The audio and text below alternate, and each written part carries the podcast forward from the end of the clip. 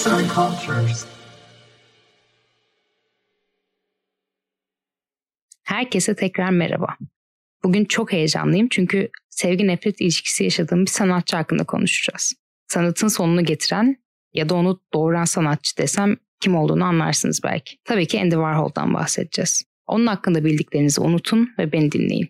Keyifli dinlemeler. 6 Ağustos 1928'de Amerika'da doğan ve babası maden ocağında işçi olarak çalışan Warhol, ilkokul 3. sınıfta ömrü boyunca etkilerinden kurtulamayacağı Sam Vitus adlı bir hastalığa yakalanır. Sinir sistemini zedeleyen bu hastalık zaman zaman istem dışı hareketler yapmasına ve belirsiz aralıklarla yatağa bağlı yaşamasına neden olur. Yatalak olduğu dönemlerde çizim yapan, radyo dinleyen ve film yıldızlarının posterlerini biriktiren Warhol için bu dönemler kişiliğinin gelişmesinde oldukça önem taşımıştır. 1945 yılında liseyi bitirdikten sonra 1949'da Pittsburgh'da bir üniversitede sanat eğitimi alır. Eğitimi tamamladıktan sonra Warhol'un eli sanat denilince akla gelen birçok alana değmeye başlar. Warhol ilk olarak New York'a taşınır ve illüstratör olarak çalışmaya başlar. Bir dergide sanat editörü olan Tina Fredex ile tanışmasının ardından dergi için çizimler yapmaya karar verir. Aldığı ilk iş başarı New York'ta bir iş sahibi olmaktır başlıklı yazıya hazırladığı illüstrasyon olur. Asıl ismi Andrew Warhol'a olmasına karşın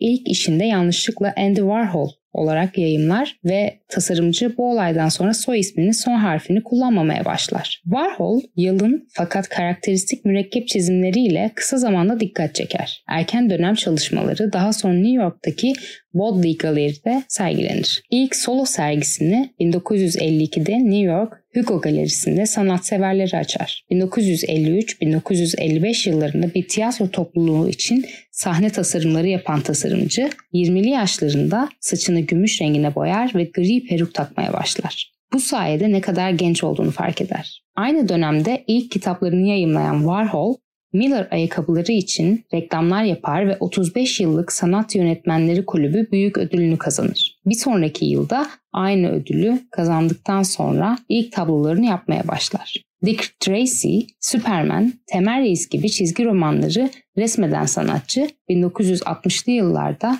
Campbell çorbası ve Coca-Cola gibi markaları alarak marka resimlerini ipek baskısı tekniğiyle çoğaltması sayesinde tanınmaya başlar. Sanat eleştirmenlerin Warhol'un yeteneğinin farkına varırlar. Bu sayede Warhol'un çoğaltmalı çalışmaları Yeni Gerçekçilik ismi verilen bir pop art sergisinde sergilenir. 1963 yılında hayali olan Fabrika adını verdiği stüdyosunu kurmasının ardından 2000'e yakın resim yapan ve film çeken Warhol, Marilyn Monroe ve Elvis gibi film yıldızları ve ünlü isimlerin portrelerini yapıp bunları sürekli olarak tekrarlayarak bir stil yaratır. Çektiği kısa filmlerde bağımsız film ödülünün sahibi olur. Empire ve Sleep adını verdiği iki deneysel uzun metrajlı filmin yönetmenliğini yapar. Empire filmi 8 saat sürmektedir. Empire State Building'in karşısında konulmuş bir kameranın 8 saat boyunca sabit bir noktayı çektiği görüntülerden oluşan filmin temasını başka bir film olan Sleep'te de kullanılır. Sleep ise uyumakta olan birinin 6 saatlik uykusunu kaydeden bir çalışmadır. Warhol 1965 yılında resim yapmayı bırakmaya karar verir. Bu kararına sadık kalan Warhol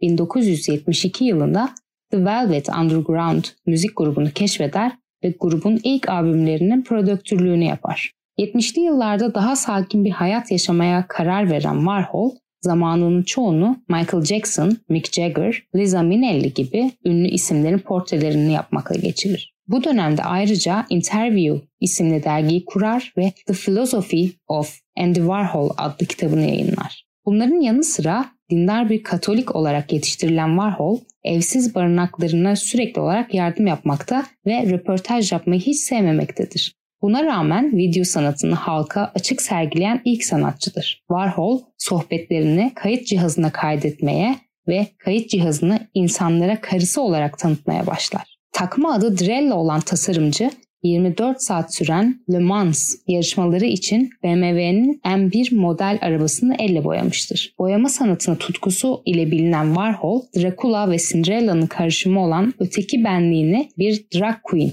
olarak resmetmiştir. Warhol'un en çok bilinen sözlerinden birisi bir gün herkes 15 dakikalığına ünlü olacaktır. Warhol 80'lerde maddi olarak güçlük çekmesine rağmen genç sanatçılara destek vermeye başlar ve 22 Şubat 1987'de 58 yaşında New York'ta hayata gözlerini yumar. Yazan Emre Köse, seslendiren Polen Biçer.